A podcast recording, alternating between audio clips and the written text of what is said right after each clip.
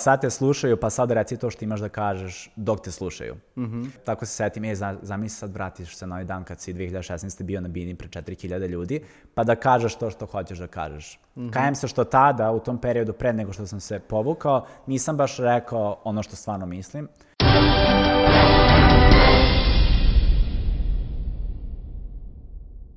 Zdravo ljudi, dobrodošli nazad u Žiška podcast. E, naš današnji sagovornik je Milan Inić, vama verovatno poznati kao Jasterštajn i sa njim ćemo danas najviše pričati o YouTube-u, mada sam ja s vremena na vreme vraćao priču na TikTok. Tema o kojoj ćemo danas najviše pričati je zapravo evolucija sadržaja na YouTube-u i kako smo došli od skeča do nekog gaminga koje Miloš igra i do reakcija i drama koje se dešavaju. Takođe ćemo pričati o tome kako je došlo do te evolucije sadržaja, da li je to neki prirodni proces ili je YouTube algoritam taj koji je sadržaj promenio promenio i pogurao u određenom pravcu. Pričat ćemo i o kreatorima na YouTube-u, odnosno da li su svi kreatori danas na YouTube-u ili su prešli nego drugo, šta se desi da jedna kreatorska ili influencerska karijera doživi uspon ili pad, da li su u pitanju lična očekivanja i satisfakcija, da li su u pitanju očekivanja publike, odnosno auditorijuma, ili je možda za to kriv YouTube algoritam.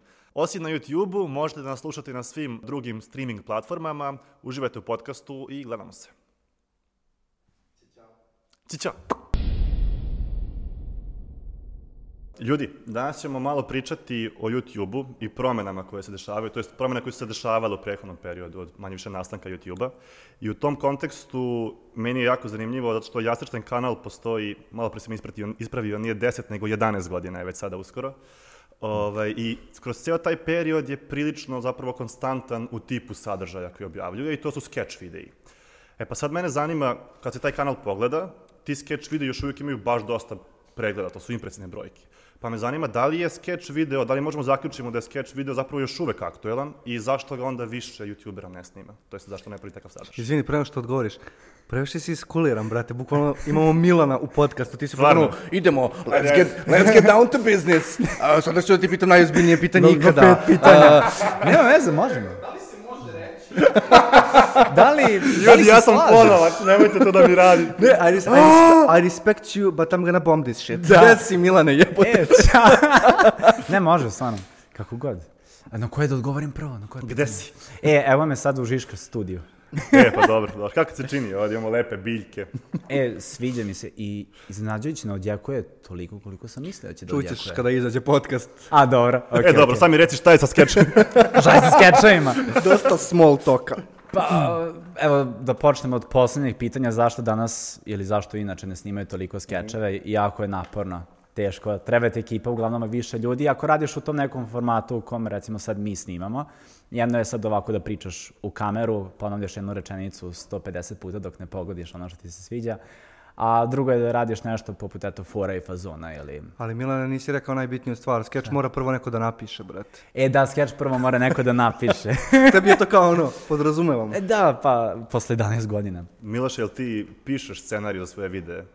Ma ja sam đubre youtuber, mislim ja ono, igram igrice i pričam preko toga, e, ne pišem to. ništa. Sviđamo se da smo ustanovili tu podelu kao skeč je cool, svi ostali su đubre. Sam, ali, to je, ali samo poenta je da je teško. Mislim moraš da. da uložiš mnogo više rada u predprodukciji, da to sve pripremiš. Moraš da uložiš stvarno neki ozbiljan trud da okupiš ljude.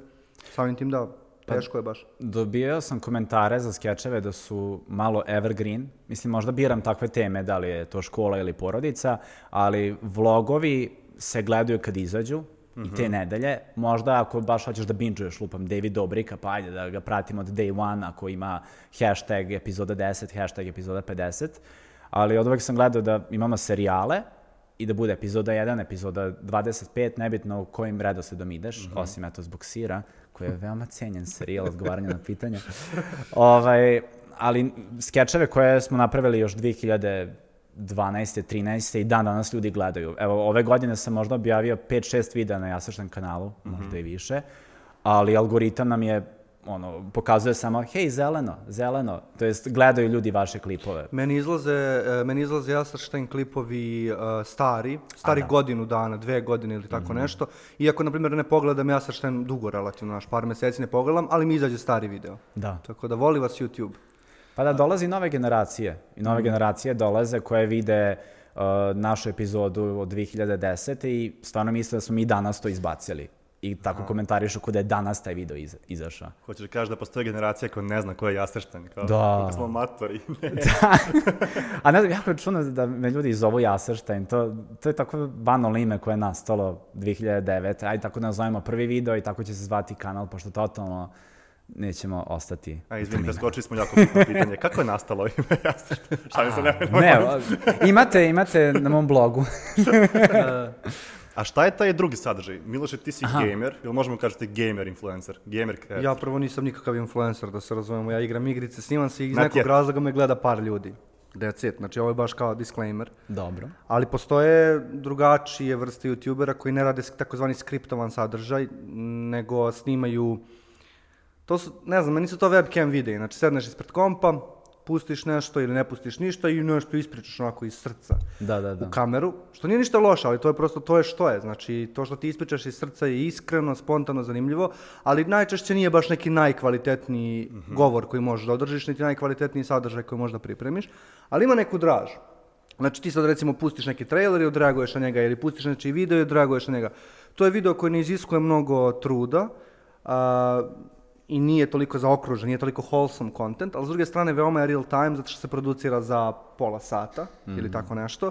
I ono, deluje spontano, tako da postoji cela, rekao bih, da odgovorim na tvoje pitanje, postoji cela struja sadržaja koji nastaje na takav neki način i postoji cela struja sadržaja koji je skriptovan, jako onako produciran sa jasnom namerom da se ispriča određena priča, da se prenese određena poruka, dakle postoji nekakva ambicija dalja od toga da snimiš svoju, pers- pers- svoju ličnost.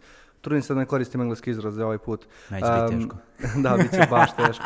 Da, da, Znači, nemaš nekakav ono kao, e, u tim, u tim videima imaš kao jasnu ideju što želiš da postigneš i onda kroz predprodukciju, pisanje scenarija, samo snimanje i na kraju montažu ti ulažeš e, ono određeni trud da to bude baš ta priča. A, da li se ta promjena desila prirodno, kao to je neka prirodna evolucija sadržaja, došli smo od skeča do reakcije, ajde da banalizujem kao tu promjenu, ili je nekako YouTube možda učestvovao u tome? Ajde zapravo, zašto ti nikad nisi na jasrštan kanalu makar odlučio da ideš kao linijom lakšeg otpora? Uh, uvek kad god snimamo neki asašten video, meni je u glavi, ovo nije dovoljno dobro. Ovo nije dovoljno dobro. I zato i ne postavljamo toliko često, jer imamo onako u glavi, ja, ovo će ostati, bit će tu godinu dana, deset godina, zauvek ću ja to gledati. I moći će drugi da pronađu za ko zna koliko godina unapred. Ovaj, I hteo sam, pošto sam eto odrastao u sketch kanale, u Smoš, Niga Higu, uh, lupam, Tobaske sa Tom Ska, znalo se imaju glavni kanal koji ima sketch kanal, pa su onda su imali gaming kanal, vlog kanal, behind the scenes kanal, bonus content kanal, ovaj, i nekako sam odrastao i uz taj neki format i rekao sam sebi, aha, Jasrštan će onda biti sketch kanal gde radimo eto, te skriptovane sadržaje i napravio sam drugi kanal gde smo radili bonus greške, samo iza scene, ako vas zanima kako je bilo behind the scenes, to je iza scene, pogledajte to. Uh, I ne znam, jako sam mlado i počeo sve to sa 15 godina sam krenuo da snimam, tako da gledao sam da ima malo i privatnog života.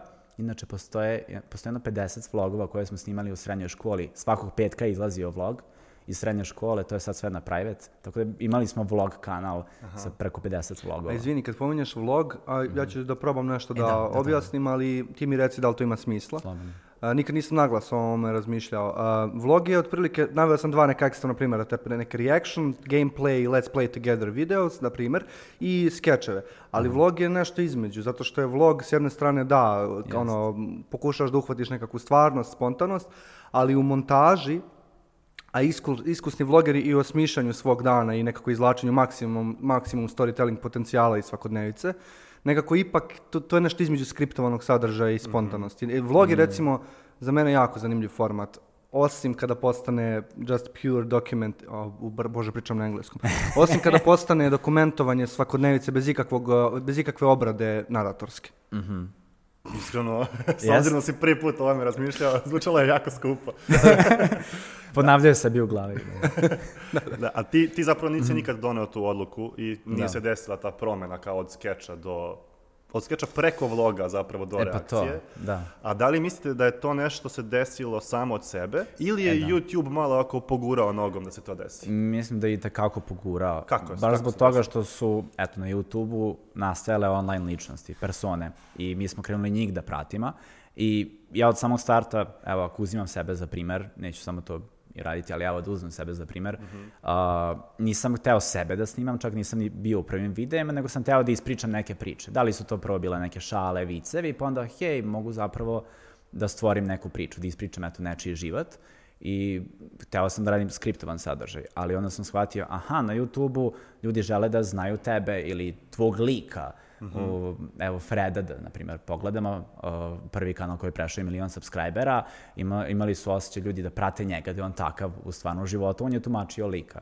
I nekako ovaj, YouTube postao više ta neka platforma gde pratimo ličnosti, persone, šta oni radi u toku dana, da se poistovećujemo s njima, mm -hmm. kao recimo Shay Tarts, prvi family vlog kanal, gde, mm -hmm. gde su eto pratili ljudi koje ja znam ovako u svom životu, pratili su ih pošto imaju osjećaj kao da su oni deo te porodice radite mm -hmm. neke stvari koje, eto, njihove porodice ne radi s njima i nekako se osjećaš kao deo te neke familije. A jel misliš da nema nikakve veze sa algoritmom to? I sa algoritmom, ima i tekako, pošto je YouTube krenuo još o, ne, ne znam, ispravite me, da li 2010. 11. da nagrađuje videe po vremenu, po watch time-u, mm -hmm. više nego po samo nekom kvalitetu. Mm. I sve manje manje danas ima tih kreatora koji su, eto, izdržali da i dan danas izbacuju sadržaj koji izlazi jednom, dva put mesečno od 2-3 minuta, mm. pošto ih proguta algoritam, jer svako je subscribe-ovan na plus 100 YouTube kanala i onda kod na subscription mm. feed izađe im 100 videa koji svakodnevno izlaze, plus tvoj jedan video koji izađe jednom mesečno možda. Ali na našem YouTube-u ja se sećam jednog momenta kada su svi počeli da pričaju Samo se odjednom čuo na sve strane da svi pričaju moraš da imaš daily upload. Mm -hmm. Da. Moraš da imaš da, daily da. upload. I samo su svi ponavljali, moraš da nije bitno šta, mora daily upload. I neko je ono, seo i razmislio o algoritmu i rekao, ok, ono, ako nemam daily upload, ne izlazim u suggested, nemam dovoljno watch time-a, samim da. tim, ono, kao što si ti rekao, progutam me algoritam. I ja mislim da je ta, ta mentalitet, taj mentalitet daily uploada u velikoj meri oblikovao sadržaj kreatora. Da. Mislim da je daily upload došao pre vremena, on, mm -hmm. u, smislu pre uh, toga da je bitno da imaš video duži od 10 minuta. Mm -hmm. Prvo je, de, jest, sad, mi, jest, jest, ti si jest. tu duže. Prvo da, je bio kao jest. svaki dan, a onda u nekom trenutku, aha, ako hoće ti monetizujemo video, tako zapravo nešto zaradiš, tvoj video mora da traje 10 minuta, ali tako? Da. Pa baš, baš to na YouTube-u, to jest ajde i na Instagramu sada, ne, ne postojete neke sezone kao u TV serijama. Znaš, imaš prvi, uh, prvi taj segment od septembra, oktobra kad krene prvi deo sezone, pa onda imaš tu neku zimsku pauzu, mm -hmm. pa se nastavi sezona. I tu sad naravno imaš aktere plus čitavu produkciju tima. Ovaj, a kod YouTube-a uglavnom su to a, jedna, dve osobe koje treba svakodnevno da izbacuju i naravno da moraju onda to da rade kako bi opstali, jer nalaze se pored hiljada i hiljada ostalih ljudi koji isto to sad rade. Sad smo se već malo dotakli YouTube algoritma. Aha, da. I um, sad, sad da, da li ova tvrdnja ima smisla? Da li YouTube algoritam više vrednuje kvantitet od kvaliteta? Da li možemo to da tvrdimo? Pa, ja sam uvek govorio, nažalost, više gledaju na kval, kvantitet nego na kvalitet. Ove, ovaj, -hmm. To mi je ta neka borba koja postoje već jedno sedam godina. Osjećam, osjećam to da kao, a vrednuje se kvantitet. Zato sam, ovaj, kad su došli gameri, sam prvo bio, a to nije pravi YouTube sadržaj, zašto mm. ne rade na nekoj drugoj platformi, zašto ne postoji YouTube gaming? Pa osjećao sam tu kao neku nepravdu, a to je kao nezreli Milan koji je tad pričao. Mm. Ali... Ali dobro, dolazi da. sa iskrenog mesta, mislim, delo pa da. je prelako.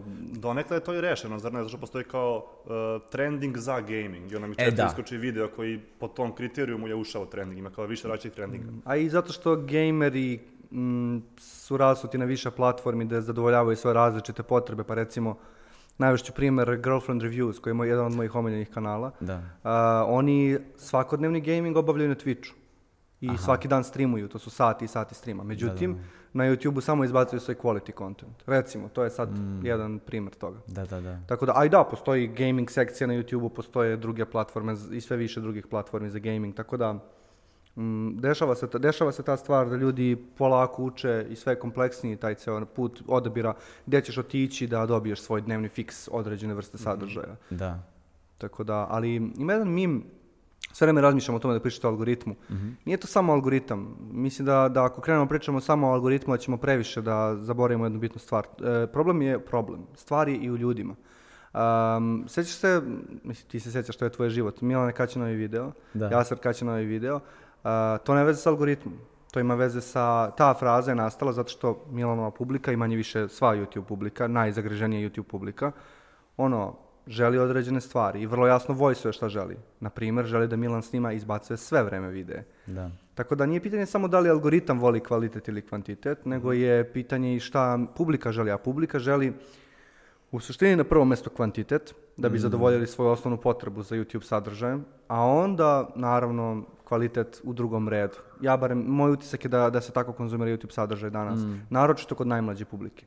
Njima je draže da ti izbaciš bilo kakav video danas, samo da oni imaju taj, um, tu stvar koju mogu da pogledaju. A oni čim pogledaju, neće pogledati ni do kraja video, već kucaju komentar kad će sljedeći video. Jeste. To ti, govori, to, to, to ti odgovara na pitanje o kvalitetu. Sad, potrudit ću se da ovo ne zvuči kao teorija zavere. Dobro. Um, Lizard gledam šta je, šta je ugao YouTube-a zapravo tu i donošenje njihove odluke. I iskreno nemam utisak ni da je YouTube algoritam, kako god, namenjen ni kreatorima, ni toliko korisnicima, nego ne, ono kao profitu.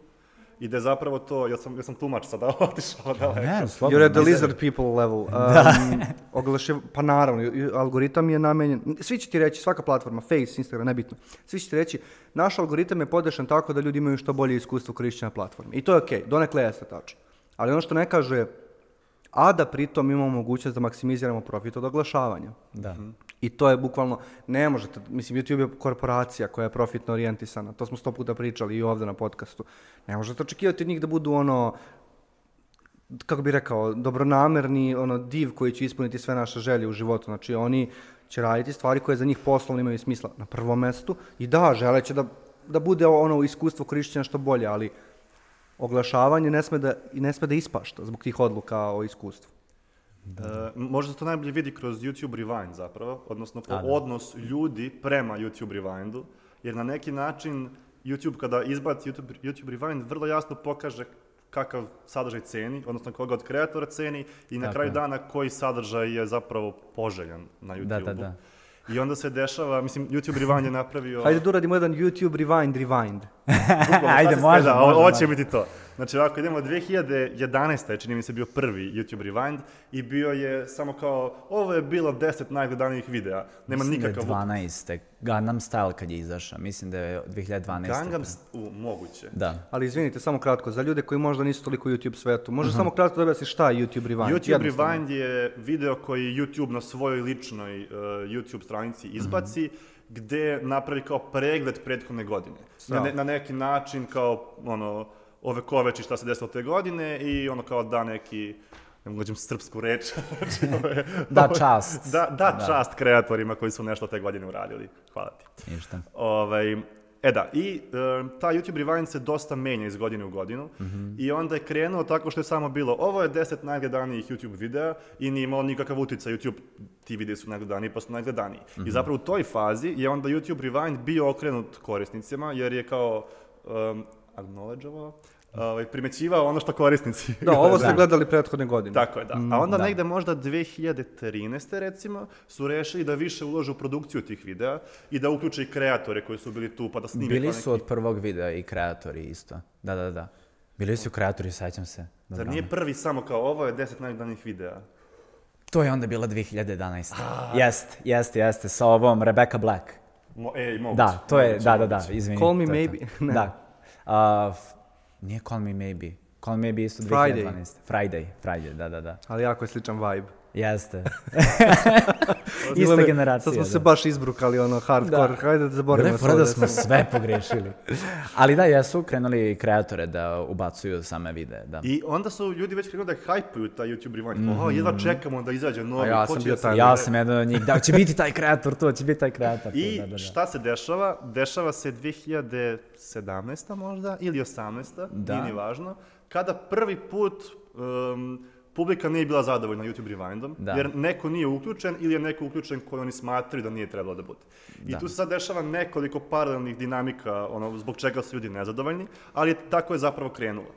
I onda dolazimo do 2018. YouTube Rewinda koji je najdislajkovaniji video u istoriji YouTube-a, prestigao je Justina Biebera Baby, mislim da je on, da je on Da, bio da, da, drugi. jeste, jeste. I tako je YouTube napravio ceo ono obrt, odnosno od toga da je to najomiljenija stvar do najomraženija stvar koja se dešava na YouTube-u. Svi mrze, postaje meme, PewDiePie video je bolje koti, PewDiePie react video na taj, na taj YouTube Rewind. Njegova je. On zapravo uradio bolje svoju rangiran. montažu, on je uradio svoju Svoju montažu. montažu, da, da, da. da, je- to je- je zapravo bolje rangiran od, od YouTube videa. A meni je to genijalno.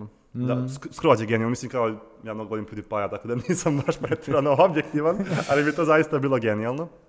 I zapravo je bilo real time, zato što PewDiePie nije bio u tom videu a, u, u 2018. A tad se dešavala cijela ona borba sa tim T-Seriesom. T-Series, da, On i sad predlog bio je možda i najveći event te Da. godine na YouTube-u koji se dešavao, se nije našao YouTube Rewind. Uh, sad sam već zaboravio gde sam krenuo s ovim, sam se raspričao. Da... Pa, I tako ti ja kažem, vraćam se jedan dan iz škole. YouTube je krenuo više da favorizuje late night shows i da njih uključuje uh, kao i TV komercijalu čisto kako bi, eto, mogli pored trending page-a da ih i tu ubace. Mislim, youtuberi imaju jako, ovaj, mixed odnos sa late night show voditeljima, uh, pošto su late night show voditelji krali ideje od youtubera, njihove challenge i uopšte koncept su prisvojili za svoj late night, a nisu nikom dali kredibilitet. I uh, nekako youtuberi misle da taj late night show uopšte ne pripada tu na YouTube-u. Mislim, šta god da se dešava u YouTube zajednici, uvek će late night biti taj koji će dobiti A šta ti misliš o tretman. tome? Baš je kontroverzna tema na neki način. Šta Da. ti misliš o tome, recimo ti na Jasršten kanalu smisliš neki mim Da. ili neku društvenu igru i sutra je vidiš na, ne znam, te- na mainstream televiziji da je neki voditelj korist. Kako bi, kako bi se osjećao i šta bi mislio o tome? Pa jesu par puta koristili našu muziku. Ove, I to mi onako kao više, pa dobro, makar, makar potpiši, jer uh, na YouTube-u može da prođe neki sadržaj da si iskoristio, da li neku fotografiju, video ili audio, dok na TV-u, koliko znam i dalje treba da stoji preuzeto sa ovog ovog kanala, ali Pa da. po pitanju samog koncepta, pa naravno da bi rekao, hej ljudi, uh, ja sam ovo radio, ne bi im pisao na e-mail, dragi vi, ali... Ali ne evo znam. sad, ako mogu da produbim Da. dalje ovu temu. Slobodno. Ali kada bi recimo to uradio drugi YouTuber, Aha. znači nema televizije, Pa rade, rade to. ali kako bi se tada osjećao? Pa, ima toga. Ima i tekako. Mislim, i ja sam uzeo nešto od američkog YouTube-a, nesvesno, jer ja sam odrastao uz taj sadržaj. Redko šta sam uzeo ja na jasrštem kanalu izbacio, a da nisam prekodno video, da li svesno ili nesvesno da sam prisvojio. Ovaj, mislim, sam evo lupam, serijal zbog sira, to je tipičan Q&A sa ironičnim odgovorima. To je radio Jax Films. Evo, evo i Muđa radi taj kao Lewy rip-off od PewDiePie-a, a PewDiePie je to uzeo Jax Filmsa. To je i ja isto. Tako da pozajmljuje se taj neki sadržaj. Ja, ja ne, ne mogu da, ok, mali disclaimer, ja, meni niko nikad nije ukrao ideju. Da. Ne znam kakav je to osjećaj, ali kada razmišljam o tome, volio bih da mislim da mi to ne bi smetalo. I ovo znam sad, lako da, je da. pričati, ali men, ima mi nešto cool u tome. Mm. U smislu, ima mi nešto cool u tom fenomenu da ti nešto smisliš, izbaciš i onda drugi ljudi kreću da čupkaju, uzimaju, E, to prave da, nešto to, bolje. To je, to je skroz druga stvar, da neko uzima čupka i da od tog tvog prenese još druge publici. Jer ti jesi to napravio kako bi ljudi konzumirali Mm. i ono, e, super, nešto sam pokrenuo, sad, evo, i na TikToku čak ljudi koriste nečiji audio i urade nešto totalno drugačije s tim audio. Ali je potpuno jasno da je to nečiji audio. Mhm. I za- zapravo TikTok je sve to što ispričali na YouTube-u samo ono na kub koliko se toga dešava. Da. I ono, svaki video koji mi iskoči na, na Mhm. kao for you stranici TikToka je zapravo rip-off nečega. Mhm. I mislim da se kao odnos ljudi prema krađi sadržaja dosta promenio. Da. Sad je kao, aha, ako si ukrao od Amerikanaca, ti si Da, da, bre, da. ono Robin Hood, hvala ti, Da, da, da, preveo da. si nam ovaj sadržaj. A onda ako, ako ukradiš od nekoga koja je sa naše teritorije ili snimiš isti video, Da. ili najgore od svega, ako je sketch video, pošto je sketch dosta sada aktivan na TikToku, Mm. ukoliko si to ukrao i samo kao odglumio, ali si svaku rečenicu, ono, ili ideju uzeo, u, to su komen- komentari kao, Da, makar da, ga da. taguj, označi ga, a, kradeš sadržaj, Pa- hejta baš mnogo bude. To možemo totalno povezati sa situacijom na času. Kažeš neku foru, niko te ne čuje, o, tak pored tebe kaže isto si umre od smeha i to je sad njegova fora. Mislim, osjećaš... Malo budeš butthurt. Malo budeš butthurt zbog toga, ali evo, mislim, dešavalo mi se na TikToku ljudi repostuju. To, zato sam i krenuo da repostujem, to jest da ponovo postavljam neke asrta, inserte iz nekih skečeva, jer video sam neko okači neki insert iz našeg videa i taj video pređe 700.000 pregleda. Mm -hmm. A nigde ja nisam... Ja sam cile, zar ne? Da, ne, video. i to i onaj insert, pet stvari koje mrzim kod srednje škole, neka scena Aha. sa Leni i Totemijom, prešla 700.000 pregleda, tagovali su Totemiju, Totemiju u komentarima, mene nema nigde tu unutra, ono kao, ali ja sam ovo režirao, ja sam ovo napisao. Znaš, imaš taj neki mali osjećaj, ali drago mi je što je videlo 700.000 ljudi. Da su se e nasmejali. Postoje ta dva faktora. Jedno je kao, dovoljno je da ja znam da sam doprinuo na neki način. Ne, ne mora ceo sve da zna da sam ja to uradio. Um, imao sam pojentu zapravo koji sam... Da, slobodno, vrati se nazad. Znaš šta je fora, krenuli smo od Rewind onda smo otišli u... Da, Rewind. Šta je stao sa, sa Rewindom? Sve cool. Ne, zapravo mi je nek, dosta se nadovezuje na priču o hostovima sa TV-a koji se pojavljaju na YouTube da, da, da, Vineu. da, da, da, da. Moj neki lični utisak je da se ljudi osjećaju kao da gube YouTube, kao YouTube više nije od naroda, nego tamo Mhm. neki čovjek, Gla- PewDiePie koji kao donekle još uvijek ima vibe lika iz naroda, počeo od ni od čega, igrao igrice, onda kao to nešto uspeo i on je naš neki heroj, Da. a sad odjednom neki Jimmy Fallon se tamo pojavljuje video, neki lik, ono, TV lice tu, šta god. Imam osjećaj taj zapravo YouTube se sve više udaljava od, od tih nekih od, od zajednice koja zapravo jeste YouTube i da je zapravo sve dalje čak i po pitanju kao da, da li je YouTube zapravo namenjen prosječnom korisniku da može da objavljuje nešto. Ja ne bih rekao da jeste. Mislim da su ostali kao sve osim što se što je kao sve eh, sve više Da. usmeren kao ono šerovanju late night show-ova koji su popularni, na primjer, malo banalan primjer. Također nije jednostavni za korišćenje više ljudima koji su, koji, su- koji su na YouTube. Prvo je uništio, baš sam, baš sam krenuo da hejtujem. Ajde, ajde, samo Da Slobodno idi, posle, ja sam tiktoker. ceo put, ceo put. Imamo tiktokera u studiju. tik- Probudite tiktokera u meni, ne. Evanđelist. Izvoli, izvoli. Trpet ćemo to neko vreme. Ne, to je skroz okej, u, ovaj, u bilo kom trenutku me gađate, znači. Ne, prvo je uništio, to jest kao skroz je pogurao family friendly uh, content, što je iz mog ugla dosta, e me izvini, da učuti. Mušica. Što je ubilo mnogo kanala koji su ljudi zapravo voleli. Naprimjer, mm. iDubbbz, cijela ta ekipa oko njega, ne znam da li ste ih pratili, i oni tu ništa family friendly, nema ni u jednom trenutku, ali je bio genijalan sadržaj. Ovaj, gomila takvih kanala je potpuno umrla, jedan od njih krenuo da se bavi muzikom, kako se zove. Ovaj, Georgie, kako Georgie, ovaj, da, da, da. da, da, da. Prvo se to desilo. Filthy Frank, jebote, Da, Filthy Frank. Frank. Tako je. Ove, prvo se to desilo, On, onda se to sve više, to se sve, sve više, više pojačavalo. Prvo oni kao nisu bili baš ekstrem, sada ono, već ako opsuješ u videu, pitanje je da će ti ga rangiraju kao koli- koliko je family friendly, pa ćeš dobiješ malo manje keša na kraju od monetizacije. Da. To je otišlo skroz u tom smeru. Onda cijela ova priča sa uh, late night show uh, hostovima, sa guranjem tog sadržaja, meni, na primjer, mislim kao, ja volim da gledam Kesića, ali mi je svaki put kad uđe na YouTube, ako je on nešto okačio, on mi je recommended. Nije mi da. recommended Jastrštajn video više, ili, ili bilo koji YouTuber. I ako gledam, kao pratim YouTube kod nas, ne iskaču mi ti kao ljudi iz naroda koji nešto stvaraju, nego mi iskaču neke korporacije, ne znam Da. šta god. I zapravo mi je simbol te borbe gubljenja YouTube-a je zapravo bio PewDiePie vs. T-Series. Jer Yes. kao običan čovjek iz naroda koji mi, to je ono, mi volimo njega, mi smo ga pogurali, versus ono Bollywood, muzička Da. industrija sa milijardama evra. I zapravo zbog toga je to te godine bilo toliko uspješno. Ja mislim da je to zapravo trenutak kada je, kada je YouTube onako dosta skrenuo, s- ta- ta- taj je zapravo eskaliralo skroz sve ovo o čemu pričam. Jest. Koliko Slažem dugo se. postoji YouTube? Od 2005.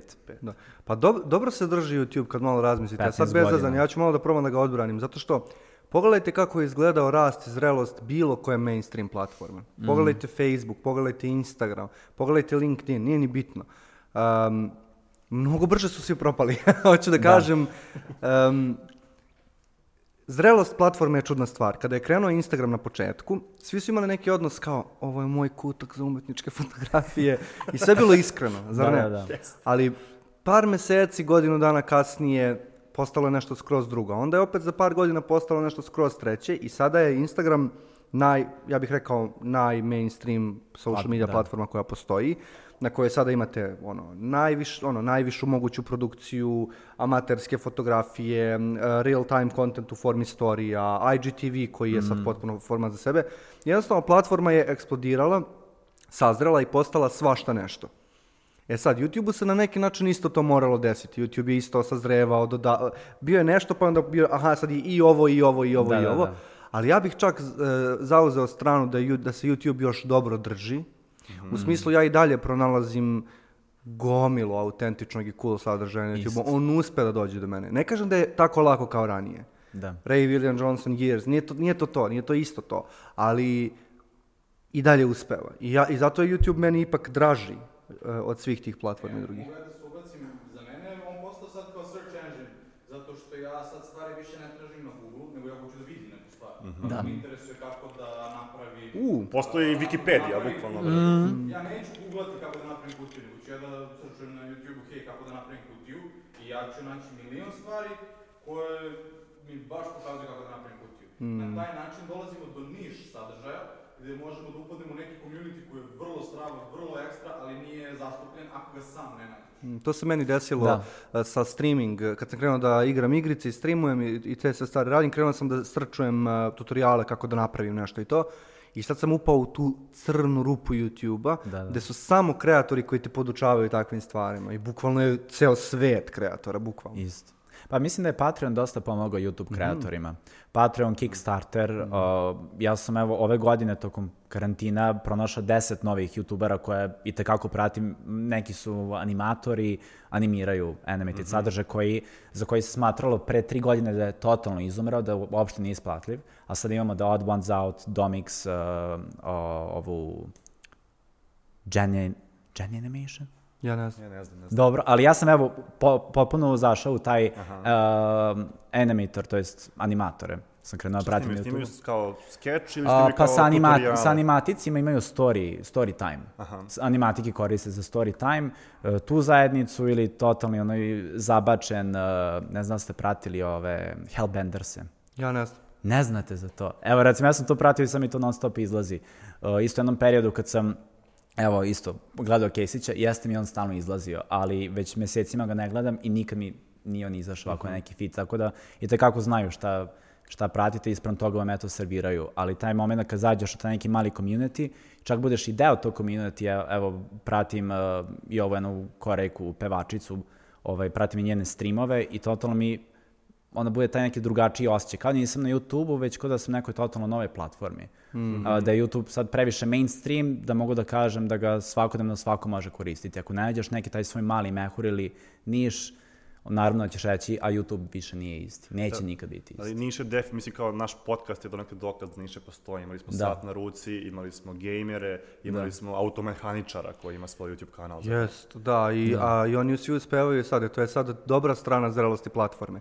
Jedan Mirko, automehaničar, pritom jako harizmatičan, s fantastičnim sadržajem, u tom svetu automehaničarskom koji je zabavan, u suštini kada jedno malo uđeš u to. Uh, on ima svoje live streamove koji su bukvalno neka forma emisije da razgovara s ljudima o automobilima, njihovim, ono, i korisno i zabavno i mimija i tako dalje. I on monetizuje te live streamove kroz uh, join funkciju na YouTube, što je neka vrsta Twitch subscriptiona, to jest plaćene subskripcije na kanal, i kroz super chat. Uh, tako da to ranije nije postojalo. I sad imate tog Mirka koji, ok, njega ne prati milion ljudi, njega prati, na primjer, ja sad ne znam, 70.000, ali tih 70.000 toliko ceni to što on radi u smislu sadržaja, da, su spremni da plate, ono, žele da ga podrže kao autora. To je ta Patreon logika koju si ti pomenuo. Da. Inače, Patreon je uh, platforma za podržavanje manjih nezavisnih umetnika, za ljude koji možda nisu se susreli s tim ranije. Tako da ono, YouTube kao deo šireg ekosistema, zrela platforma sa mnogo problema, ali i mnogo korisnih i cool stvari. Ja mislim da smo tu sada trenutno. Možda se ja previše ono ružiča se naočim. Imam utisak da bi neko Nisam drugi... uspio da ocrnim YouTube. Da. Kakav smor. Ništa. Pa, to biste vi tiktokeri voleli. Ne, Ne da onda pričamo kako je TikTok dobar čas. ne, baš smo ozbiljili priču, a je da malo nostalgično opustimo. Koje ste prve youtubere gledali? Na primjer, meni je Ray William Johnson, je li to sramota se kaže? Znam da on je E, postao jest. kao meme mislim, uh, i Gaston je to bolje. Da. Čak, mislim da ovako kao, pošto sam počeo da gledam Smosh, to je prvi YouTube kanal Mhm. koji sam krenuo da gledam, na Ray, na Johnsona i na Freda su se svi ocrnili, svi youtuberi. Pošto Mhm. Fred je samo pičovao svoj glas, a Ray William Johnson je radio reakcija kao uh, home funny videos. Mhm. Tako su ljudi smatrali, a Ray William Johnson nije pravi youtuber. Mhm. Baš su onako sa, sa viljuškama svi krenuli na njega. Da, a meni je to zanimljivo, Da. uh, on je pokupio mnogo hejta, Jeste. dok, na primjer, k- kako se zovu, uh, bra, bra, Ko? Ime kao Fine Teen, Brothers. Teens React. Fine Brothers, Fine kad su hteli da su licenciraju oni reč su React. hejt samo kad su hteli da kao uzmu da je reakcija njihov, samo njihov content, pre toga nisu imali hejta. Mm. Da, da, da. Mislim, sad samo pokušavam da odbranim. Ne, jeste, ne kažem da ja sam isto pratio Ray William Johnsona, ali da, Smosh je prvi kanal koji sam krenuo da gledam. Ja sam uz Ray William Johnsona prvi put shvatio kako funkcionišu mimovi, doduše njegovi a, a, govorni mimovi i tako dalje, stvari koje je on ponavljao. I sjećam se, ja i moj drug smo to u školi pokušavali kao da napravimo mi foru od toga i bukvalno su nas svi gledali belo, ono, zato što u stvari kad sam ja išao u školu, nije postojala youtuberska kultura na nivou na kojem je danas i nije bilo uobičajeno da citiraš youtubera. U smislu, a, neki ljudi su znali, ali nije, nije bilo toliko ono kao, ne znam da li pamtite, to je vreme pre YouTube-a, to je vreme kompilacija smešnih snimaka na diskovima. Naravno, da, da, e, da. to je, znači, to je pri, pri YouTube, YouTube, OG YouTube. I ono, i zato ja ne mogu kažem da je Ray William Johnson moj kao omiljeni YouTuber, prvi kojeg sam gledao, postoji neko drugi ko, ko je mnogo kasnije došao, ali je ostvario mnogo, mnogo veći ut- uticaj na mene, a to je Casey Neistat. To je prvi, pr, moje prvo fanbojstvo i Da, u stvari da, da, da, Casey. da, da. Ali šta se, šta se ti krenuo? Nekako imam osjećaj da se te prekinuo. Nisi... Ne, ne, ne, ja sam u stvari Raduleta prekinuo, izvini, kad si Mi smo spomenuo. prekinuli, kakve smo Prekini statke. Miloša, prekini Miloša. God damn it. Mislim da smo postali vojvođani svi. da, Izvinite, izvinite. izvini, bre, izvini. Ali da, ja bih rekao da YouTuber, kada sam ja prvi put shvatio, ok, ja baš mnogo gledam YouTube sadržaj i postoje ono, konkretan YouTube kanal koji fanatično pratim, to je ipak bio Casey, prvi put. Da, Casey nije dobar primjer zapravo za pointu koju sam hteo iz ovoga da Siguran sam da nije, da. Zato što je, ne, zato što je još uvek aktivan, još uvek je gledan zapravo. Mhm. Ali Smosh, ako se ne varam, nije. Ray Johnson nema ga na YouTube već pet godina, nego Da, sad na, na, kasnije na, na TikToku Facebook je i sad tako, da. Da, bio na Facebooku, pa sad je na TikToku Sad je na baš TikToku, aktualan. e. Da. Ove, još uvek ga pratim, još uvek me nije sramota zbog Pa toga. dobro. A šta se desilo sa Smoshom? Nestao je. Mislim, Uh, ok, komplikovana je priča svakako. Smosh, ja sam za Smosh imao taj Smosh je Friday, to je svakog petka izlazio Smosh video i od 2008. pa do dan danas dobro više nemaju ovaj, taj, raspored, taj raspored, ali nijedan Smosh video nisam propustio da prođe 5 sati od kad su izbacili video. To je meni neka tradicija, evo već od 2008. 12 godina. Uh, Smosh imao specifičnu situaciju. Uh, 2011. su oni prodali ovaj, jednoj kompaniji, Alloy Media su se tad zvali, prodali su Smosh za 0 dolara, uh, pošto su, su im obećali određen procenat na stock marketu, ali ih nikad nisu stavili na stock market, ali dobili su, dobili su budžet da ubace veći deo ekipe za bolju opremu, da povećaju svoj cast i ovaj, onda je taj Alloy Digital postao Defy Media, ispratili se sigurno čitavu situaciju, gde su imali užasne uslove, ovaj, možemo čitati podcast o tome, ali ono što je jeste specifično za taj period 2011-12, a to je da su svi kreatori mislili da moraju biti deo tog ne- nekog multi-channel networka, Uh, MCN, to je firma koja eto, zastupa youtubere, uh, jer ako si deo MCN-a, onda su ti ponuđene, uh, ponuđeni veći i bolji edovi, dobit ćeš uh, dilove sa sponzorima i to uopšte nije naravno istina. Uh, video sam po primarima eto, Ray William Johnsona ili Epic Rebels of History ili PewDiePie-a koji su bili deo evo, Maker Studiosa koje je Disney kupio. Ovaj, da, da samo koriste kreatore da mašu mašu s njima, e mi njih imamo, pa da zarađuju na tim manjim kreatorima, da imaju što više, što više tih kreatora. Tako da taj neki MCN je nekako uništio taj duh YouTube-a, gdje su onda svi youtuberi krenuli međusobno da se svađaju, ja imam veći deal, ja imam manji deal. Ovaj, Jo, i ovo je sad postao YouTube gossip. Odlično je. pa ne, bio sam tamo i na, na Ok, gde sam baš i pričao s njima o tome i ono kao, a ja ne želim to ovde kod nas na Balkanu. Multi-channel network, ne, ne hvala. A, ali šta, šta se onda desilo? Mislim, Aha, uh, si- pa Anthony je 2017. napustio Smash. Ian i Anthony su taj Smosh duo, iako su pored imali taj proširen cast od njih desetoro, uh, plus jedno 20 montažera, 30 snimatelja, ono, či, Jesus. Čitava ekipa. Uh, I 2009, 2018. Uh, je Smosh izgubio kuću, to jest firma Defy Media uh, im je samo javila jednog jutra, hej, svi su dobili otkaz, više ne postojite. I jednog dana je onda, mislim, jednom dva, tri meseca su bili bez ikakve kuće, nisu čak imali ni pristup Smosh kanalu i Good Mythical Morning, Revelink su odlučili da ih kupe. Ovaj, I eto, sad je Smosh tehnički prvi put nezavistan od 2011. godine pa sada i Ian je eto direktor, direktor Smaša po prvi Ali put. izvini, ja moram samo, koliko je ova priča luda i koliko je korporativna i koliko je legalna i koliko je finansijska i onda pogledaš naš YouTube koji jeste ogromna scena i, i neverovatan put je prešla, a kao gde smo mi u celoj toj priči, Da. koliko, koliko, je to neuporedivo, koliko to veze Ja sam sa se toga i bojao da ne bude toga ovde kod nas. Ono, 2016. sam se baš distancirao od tog kao mainstream YouTube-a kod nas i kao idem ja za Novi Sad. ja ću lepo u Novom Sadu da budem i imao sam tu neku prekretnicu da li hoću da idem po to nekom uzoru Smoša, da formiram veli, velik tim, veliku ekipu. U 2017. nas je bilo desetoro, eto, u- u Jaserštajnu. Ovaj, da li to ili da budem kao nezavisni kreator, da li da od toga bude firma, da li production kuća velika i nekako sam odlučio 2018. ajde, ajde bolje da se držim tog nekog, nekog Niga Higa stila. Uh, Ryan Higa, isto ogroman OG youtuber još od 2006. godine, uh, se nekako uvek držao tog nekog kruga svojih drugara i nije dozvolio da te neke velike korporacije utiču na njegovu kreativu. Tako da bolje mi je tako jer imam tu neku nezavisnost više. Ja sam u jednom momentu pomislio da ćeš ti postati ono production powerhouse, pošto okej, ono što nismo rekli u podcastu je da, Mm. da. mi sarađujemo od 2015. E, da. Otprilike od aprila 2015. i kao nije nikakva tajna da smo tada manje više stalno u komunikaciji, pratimo jedni druge i tako dalje.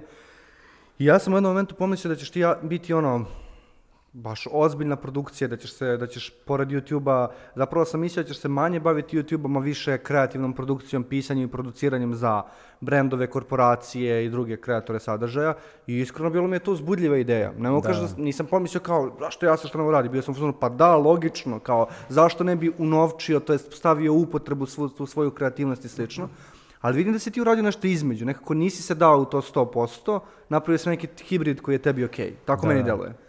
Pa da, video sam sve te prilike koje su mi tad bile dostupne, Mhm. stalno su me zvali, ej, imaj svoju seriju na TV-u, hej, aj, radi ovaj film, ili svakakve ponude, ali meni je to bilo previše, pogotovo što sam, eto, u tom periodu imao šta, nekih 20-21 godinu. Ovaj, hteo sam da živim taj kao humble life u Novom Sadu, nisam teo, sebi sam rekao, neću da se preselim u, Be u Beograd, neću da totalno zapostavim društvo, ali osetio sam te neke promene kod sebe, bio sam i jako napet i ispaštao mi je privatan život zbog toga i non stop sam bio po nekim stresom i tek sam prošle godine rekao sebi, hej, o, ovo mi je previše, idem kod psihologa recimo. Sramota je recimo da, pogotovo youtuber kod nas kaže, a burnoutovan sam. I ja sam sebi priznao prošle godine, e, stvarno sam burnoutovan, ajde da radim jednu po jednu stvar. Jer ja volim da radim sto stvari odjednom. Ono, radio sam na Jasršan kanalu, stalno sam sebi govorio svake godine, ove, ove godine kad ćeš raditi taj film, napi, onda napišem knjigu, pa radio sam i Balkan Tube Fest i to stvarno gledam i moji mi stalno govore, brate, ti si jedan čovek, ne možeš to da radiš. Ovaj, Ja bih volio da iskoristim priliku sada da, da s tobom izbušim jednu temu. Um, kada ljudi danas zamišljaju youtubere, imaju dosta negativnih konotacija. U smislu sad je opet to neka zrelost te priče, kao youtuberi, influenceri, to su jako mladi ljudi s jako mnogo keša, sve vrednosti su poremećene, bla, bla. Mene to O, ne da. interesuje, to nije tema koja, o kojoj želim da pričam. Ali ono što ja znam, mi smo sarađivali kad si ti bio u tom najvećem hajpu i naletu uh, kor, ono, korporativno-brendovskog uh, mešanja u YouTube i u, u influencersku zajednicu.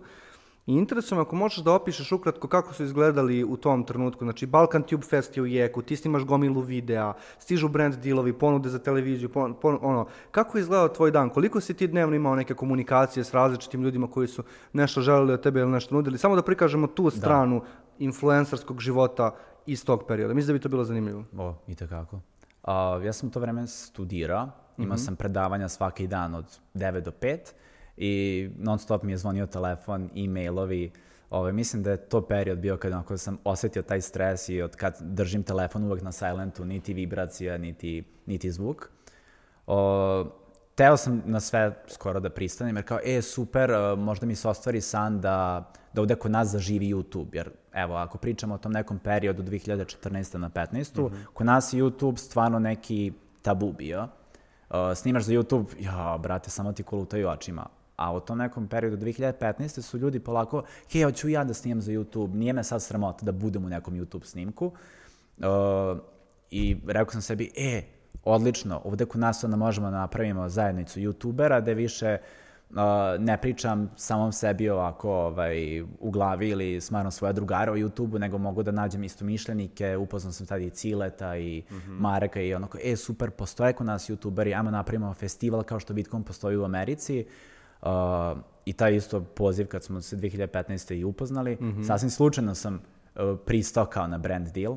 Mm. Ne znam, ovo ajde, podelit ću. Istovremeno sam imao dva brand deala.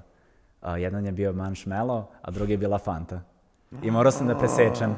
Ja sam sebi rekao, ja ću da presečem i zabraću jedno. Pogledaj majicu koju ja danas nosim. Pa zato kažem. zato sam ti čekao. Za, zato kažem, kao, isto, isti dan sam dobio kao dve ponude za brand deal i ovako sam sebi rekao, a nisam znao za Fantu da je Fanta u pitanju. A, jer samo sam znao da je... Imamo jedan gazirani, ne, Samo sam znao da je sok. Pića. Samo sam znao da je sok. A za Manchmello sam znao koji je super, obožavam isto Manchmello. I napi... ovo sam malo idem, uh, digresija mala. Uh, napisao sam serijal uh, Dedatoze mm -hmm. uh, za, za Manchmello. Prošla za Dedatoze, šta je Dedatoza sve radi u životu. Bio je tajni agent, pa bio je gusar, pa mm -hmm. vama tamo. Čitav scenarij od pet epizoda sam napisao i onda sam dobio poziv kao za sok i ovako mi kao u glavi, a šta ako je Coca-Cola, šta ako je Fanta, kao, obožavam Fanta šokatu. Aj, nek, i, ipak ću to da prihvatim. Tako da, bukvalno to bila ta neka prekretnica. Mm. Ovo ostavite u podcastu ako hoćete. Ne, ostavit ćemo, nije, nikad nismo, mislim, izrazali nešto. Jesmo da. jednom kada nas je baš eksplicitno zamolio gost, jer je problematična bila pa da se pojavi ta stvar. Da, Ali ovo nije problematično. Ja se sećam tog videa, to je bio april 2015. kada si ti bukvalno sedite na kauču, ti, recimo, Singer, Singer ne znam Petar, ko, i bukvalno april. ti izgovaraš rečenicu tipa, ok, ljudi, imamo nešto da vam kažemo, da, imamo... Da, da. Bukvalno od prvog videa je bilo kao, baš se videlo da je to nešto novo. Vi ste čak mm. nešto rekli, imat ćemo bolju opremu, realizovat ćemo bolje videe. ja sam bio toliko ponosan što se to dešava, Svarno. baš sam bio happy, da, da, da. Pa ja isto, to je mislim prvi kao brand deal između youtubera i, i nekog brenda. Jeste, kod da. nas sigurno. Prvi, mm. oz, prvi brand deal gde je postojala, postojao ozbiljan plan, gde je postojao godišnji ugovor i tako dalje. Da, da, sigurno, da. te vrste prvi, možda je bilo nekih ono one time dealova pre toga. Pa to, meni, meni to stvarno bilo uzbudljivo, jer kao, e, odlično, sad i dalje ću snimati sa drugarima, ali ne moram da brinem, hej, šta ću posle fakulteta ili da imam neki side job da snimam, montiram neke muzičke spotove, mm -hmm. mogao sam da skroz da se upustim u to pored, pored samog fakulteta. Jer ja, ja sam i pre tog prvog brand deala snimao koliko jedno, 5-6 godina bez toga da smo jedan dinar, to recimo dobili od YouTube-a, što mi naravno isto nije bio problem, ali ovde sam gledao, e, super, štedeće onda da stvarno uzmemo bolju opremu, ono kao, a, yes, Lumix, Panasonic G, GH4 smo uzeli, yes. I to mi je nekako bio taj neki prvi osjećaj, možda stvarno možemo da napravimo naš, naš kanal, da ne moramo da čekamo da TV aminuje nešto za neku emisiju. Meni je to mm. san da, da snimam neke serije, filmove, a on vrhunac mi je animirani neki serijal, da napravim neke animirane likove. Tako da sam gledao, e, ovo je možda početak i jeste početak nečeg, ono, gde možemo da se, da se isprobamo, ali niko me nije spremao na to da sad pričam sa brendovima, pričam sa agencijama, da, da dogovaram festival u Sava centru, to je bilo sve totalno nešto novo mm. i stresno pre svega. Da, ja sam baš mogao da vidim taj stres. Iskreno, da. sećam se tebe na prvom Balkan Tube Festu. O, da. ja, on, baš sam bio legit zabrinut, zato što je Milan da. izgledao kao da će u bilo kom momentu možda da se onesvesti ili tako mm. nešto, jer ne znam kako bih to najbolje objasnio, od, stres, od organizatorskog stresa preko stresa performera, da. sve je bilo na maks. To je bilo recimo 2000, pomozi mi, 15, 15, pa već 16. Da. isto bilo onako dosta ta cela isto, stvar zaletela da. se. Koje godine si ti, da kažem, izašao iz te priče sa Balkan Tube Festom? O, posle Balkan Tube Festa 2016. Mm, znači, da. već, druge, već na kraju druge godine. Na kraju druge godine. Znao sam jer, mislim, bio je, ne samo to što je prevelik stres, video sam da polako prelazimo u taj neki mainstream YouTube-a mm -hmm. i ono što je od samog starta, to 2015. što sam osetio, a to je da ljudi vole da te iskoriste kad vide da si naivan Mm -hmm. to, to mi je onako nešto najodbojnije što sam iskusio ovde od kad radim s YouTube-om, kada vidiš da neko misli da si dovoljno naivan da pristaneš na te neke stvari, pa sam si totalno naježio i rekao, odlazim, ne treba mi ovo u životu. Možda digresija na digresiju, Slobodno. bukvalno. Izgovaraš mainstream YouTube-a, a bio si najveći YouTuber, kao sam nešto E da, a ja nisam nikad imao taj osjećaj kao, e, mi smo kao najveći YouTube kanal. Mislim, ne samo po broju subscribera, nego ovako Aha. inače, nikad stvarno nisam doživao takav osjećaj. Mislim, ja pamtim iz mog ugla da. period kada je kao Jaseštajn je mainstream, kao da, da, da. najgledaniji kanal to. u Srbiji.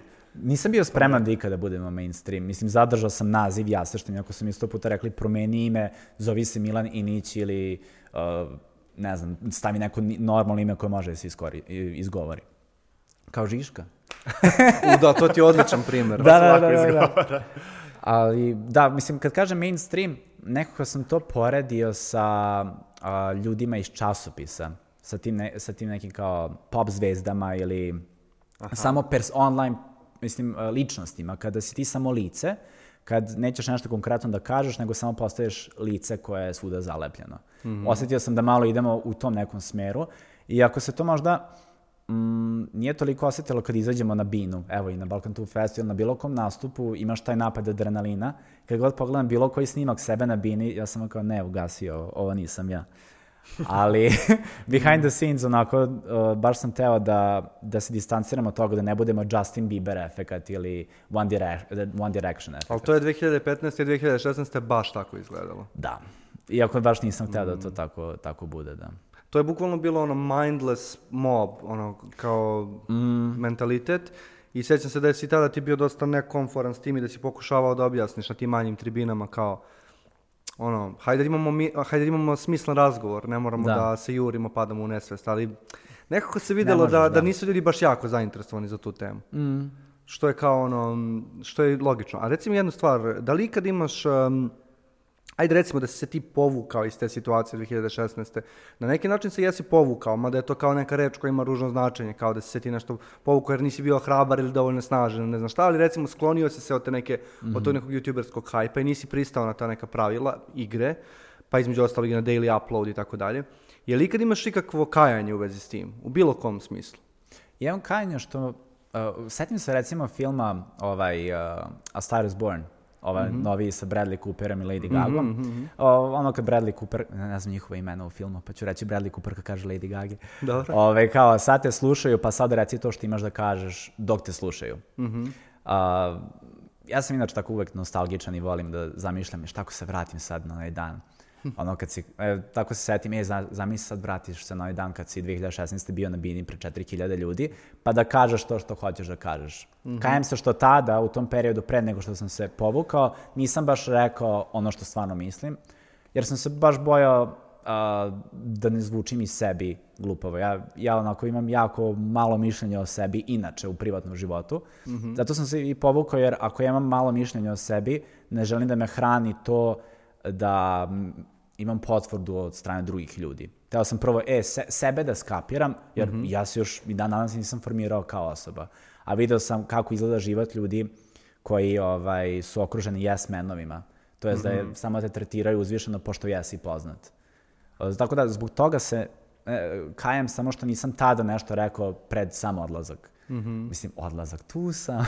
Dobro, da, ali da, da, jasno da. je, da. Mislim, Ali i od, od tog momenta dalje radim na tome da pronađem svoj pravi glas i da napravim taj neki svoj community koji ono, će moći da komunicira iskreno, da ne budem samo, kao što sam rekao, lice koje je tu, već da ono, nešto kažem uz to.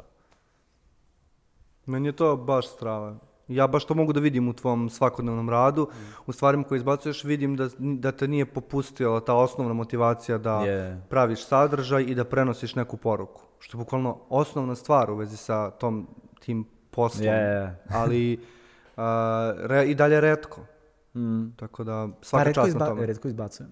da, da, da. Zato, eto, zato neće Je, uskoro novi video. Ali, mislim, ne kajem se uopšte to sad, e, mogli smo, mogli smo više da zaradimo, la, la, la, to mi nikad nije ni bio prioritet. Ja ne planiram sad taj neki kao fancy life, nego ono, samo mi je možda žao zbog toga što sam mogao onda da obezbedim više poslova za više ljudi, što je recimo sad Smosh uradio, jer gledam svoje kolege iz Novog Sada koji ono, jesu završili fakultet, ali nemaju taj neki posao koji ih ispunjava. Tako da možda u budućnosti gledam da proširim ekipu ponovo, ali kad već imam smisleniju neku ideju šta želim da kažem time što radim. Mislim, to je baš plemenita ideja, znaš, kao da, da ljudima koji su bili oko tebe opet nešto kao Pa da. obezbediš, to je strava. Gde smo s, tvoj, s tvojim konceptom? Otišli Smo otišli smo- dođevo? Da, Pokušavao sorry, sorry. sam da pratim digresije sve. Da, ju, koliko Ostao digresija. sam kod yes menova i, i liste u glavi. Ali mislim da nas ovo dobro setupuje za priču o YouTube-u danas, ukoliko želiš da se ba- pozabavimo time i Slobodno. tim ono, osnovnim nekim nagonom za kreiranje Ja bih sadržaja. voleo, Mhm. ja bih voleo da se vratimo na prvu digresiju, Mhm, čim si bila prva, stali smo kod tvog dana kako izgleda u periodu kada si E, izbacivao. da. Mislim da smo To. odatle krenuli, Jeste, tu, jeste, tu smo jeste. skrenuli negde. Moj dan tada, 2015. 16. to. Pa da, da, i onda, si, onda smo otišli na Da, da, cijelu da. ekipu i na priču Mm. o, o Balkan Tube Festu. Uh, ustanem, zakasnim na fakultet, pošto naletim na ili ekskurziju ili na osnovno školce. A ne, ali ovako, uh, tada smo u ekipi bili uh, Dex, Leni, uh, mislim Milica, uh, Petar, Singer i ja. Mhm. Uh, I povremeno snimatelj Stefan, moj kolega sa akademije. I Dex mi je tad onako, uh, po prvi put sam nekom dozvolio da mi asistira u montaži, jer ja najviše vremena provedem u montaži. Uh, ali onako, paralelno smo radili na dva, tri videa. Snimimo jedan spot, uh, snimimo epizodu zbog Sire, snimimo skeč. I onda je bukvalno sesija, nedelju dana smo Dex i ja ovako u montaži, uh, i ako Dex šta god je izmontirao, ja moram da uzmem i ponovo da tvikujem sve. Tako da, moja neka ovako svakodnevnica je bila u montaži sam 20% vremena, uh, 20% vremena spavam, ovo sve ostalo je fakultet i privatan život. Ja zato ne vlogujem jer dosta vremena provodim sa porodicom i drugarima i ne osjećam se baš komfortno da pored njih snimam, niti su oni u fazonu e snimane stanje kao daily life. I uvijek sam osjećao tu kao ne pot, potrošeno vreme, već neiskorišteno vreme da snimam još sadržaja za YouTube. Jer uvijek sam imao taj neki osjećaj zašto ne izbacujem češće, zašto ne izbacujem češće, pa sam taj neki kao građ uvijek imao. Koliko često si dobijao kontaktiranje od brenda, recimo, ili, ili bilo kakvu O, da. ponudu za saradnju? Bilo kakav tip ponude Bilo za saradnju? je, koliko svaki dnevno? drugi, treći Aha. dan je bila neka nova ponuda. I odbijao sam ne zato što to sad narušava neke moje ugovorne obaveze prema nekom drugom brendu, nego sam znao to niću moći da, da sve ovaj, da postignem. Meni je zbog ova toga. priča ovaj, na, na ličnom nivou jako zanimljiva, Da. zato što sam se donekle kao dotakao tog dela influencerskog života. Mislim, Mhm. ovo zvuči jako pretencijozno, jasno Slava, mi je to, ali, ali nije mi krivo. ne, zato što sam, mislim, koliko, ja sam na TikToku, recimo, ajde kažemo šest mjeseci da zaokružimo, Mm. i vukao me taj neki nagon da radim, da izbacujem svaki dan video, da grindujem što više, srpska reč za grindujem. Nema, da se grindovanje, borim da imam što više followera i da gradim Da, da, da. bazu pratilaca. I to me držalo možda recimo mjesec, ajde, tri mjeseca, ajde Mhm. da, da kao zaokružim. I u nekom trenutku počelo me jako opterećuje. Ja sad razmišljam, mislim, kao, kao ovo što ne može se poredi, jer YouTube video koji je ono kao sa scenarijom, sketch video i moj TikTok video za koji sam možda potrošio 5 minuta, možda sat vremena maksimalno, ako Da, sam da, kao da. ono najeditovanje video koji imam je sat vremena. I mene čak i taj nivo krenuo jako da opterećuje zapravo, odnosno dosta je do nekog zasićenja posle jako, jako kratkog vremena. I sad zašto, zašto sve ovo pričam, nije, nije samo moja tužna priča, nego da se vratimo na, na, na YouTube zapravo.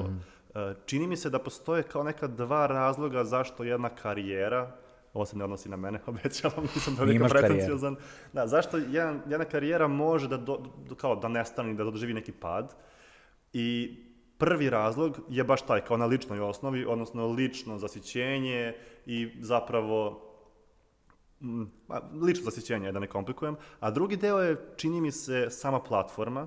Odnosno, na, TikTok, na TikToku to nije toliko očigledno, zato što niko ne zna kako algoritam zaista funkcioniše, ali, oči- ali, ali kao jasno, ako više kačiš, Da, više da, da, ćeš da. izlaziti u, u najmanju ruku. Na YouTubeu je to mnogo očiglednije, jer kao vrlo jasno, ako imaš 10 videa, ako si iscimo napred dugačak video, ako to radiš svaki dan, bolje ćeš proći, činjenica je. Da. Ti Miloš izbacuješ video svaki dan od pola sata, plus live streamuješ. Ja još. imam uh, up, daily upload gameplaya, koji je kao walkthrough gameplay, i stream 3 do 4 puta nedeljno, noću, uveče. Opa. Da, da, baš hardcore. I tako već, um, pazi sad, i tako već. Tako već. I tako već mjesec dana. Jesi propustio neku nedelju? Ne. Ne. Zato što, zato što ovaj, um, pomogao mi je taj agencijski uh, uh, mindset. Ja mnogo brzo na, uradim stvari, znaš, Da, da, da. u montaži, u smislu snimanja i slično. I onda ja u stvari um, ustanem ujutro i prva stvar koju radim obezbedim daily upload video, što je zapravo u 8 sati, pola 8, 8 ujutro se pozabavim time. I onda onako, jako uživam u tome, meni je to meditativno iskustvo, jer kao, ko još gejmuje u 8 ujutru, iskreno. Da, da, da, da. Ali meni prija. I onda to objavim i dođem na posao da živim taj ceo svoj život, Nice. koji je kao whatever. Odlično. I onda uveče, ako želim da streamujem, to je opet sad neka potpuno odvojena aktivnost. Ali ono što si ti malo... svako večer da streamuje. Nije da baš svako, ali skoro svako. Mnogo volim da, da se igram. Da, da, da. Ali ovaj, ono što si ti rekao, ovaj, ja sam osjetio kroz taj moj baš mali banalni primjer, koji je to, nije stvar koliko je to sati dnevno, to je zabluda. Koliko je to sati dnevno nije pravo pitanje, nego koliki je to deo tvog, koji je to čank u tvojoj glavi. Da, Jer da, da. možda ti pola sata dnevno edituješ, ali koliko sati dnevno razmišljaš o tom editu? Meni to nije prestalo ovih 11 godina. Mm. Nije ni jedan, ne znam, ni jedan moment u životu da mi to nije zujelo tu. Mm. Radio, mislim, radio, ne radio, ne postavljao ili postavljao. Ja sad, evo, opet, tri nedelje nisam postavio. Pokušao sam kao weekly upload da uradim. Uspao sam dve nedelje zaradom. Mm. Ali uvek se, e, nešto iskrasne pa kažeš, e, sutra ćeš nastaviti, sutra ćeš nastaviti. Ali imaš više te kao neke glasove, uh, kad će novi video, Jasar, kad će novi video. Ne samo njihov zahtev, već moju potrebu da to zapravo i uradim. Ne kako bi doživao taj neki grind, uh, porast u subscriberima. Jeste ajde, lepo imati taj kao play button od 100.000 milion, ali nikad nisam težio ka tome, to sad ne želim da zvučim kao nešto skromno, nego nije mi stvarno to neki prioritet bio, više bio taj, taj neki osjećaj, želim ako već izbacim da ljudi to vide. Jer ako ne izbacim, onda neće vidjeti pošto nisam bio o, redovan. Više je taj neki strah da to kad uradiš, da ljudi neće vidjeti zbog toga što nisi svaki dan stavljao. Uvek je ta neka večita borba. E, Ma borba je svakako, da. Imam kao jednu jednačinu u glavi koja mi nastaje svega ovoga, Mhm. a kao uspešna YouTube karijera je jednako uh, ispunjena očekivanja publike, Mhm. ispunjena lična očekivanja, izvini, dugoročna uspešna Aha, dobro, karijera dobro, da, je da. jednako. Uh, ispunjena očekivanja publike, lična satisfakcija, odnosno lična očekivanja, i treći, i nepoznata koju nisam siguran kolika, a to je ispunjenje, odnosno poštovanje YouTube algoritma. Mm. Da li, da li možeš, može iz iskustva kao da kažeš, aha, ovo je 20%, ovo je 50% i YouTube algoritam, to je za- zapravo, koliki je faktor YouTube algoritam u, te, u cijeloj toj priči? Koliki, kolika je prepreka zapravo? Ne znam da li on sabirak ili, Pa- ili deli stvari. On. Prepreka je u svakom postupku. Svuda je prepreka jer non stop to uzimaš u obzir kakav je danas algoritam. Jer čuješ jednu priču danas, drugu priču za mesec dana. Naravno, neke stvari ostaju konstantne kao što je taj uh, daily upload, to je da si redovan, uh, uh, sama minutaža, koliko ti traje video, ali opet tu su ajde, thumbnailovi, naslovi, uh, šta koristiš od tagova. Ja redko kad jesam to uzeo u obzir. Uh, baš zbog toga što sam se bojao da ću previše da vodim računa kakav je algoritam i da će, da će on napraviti takav sadržaj po algoritmu.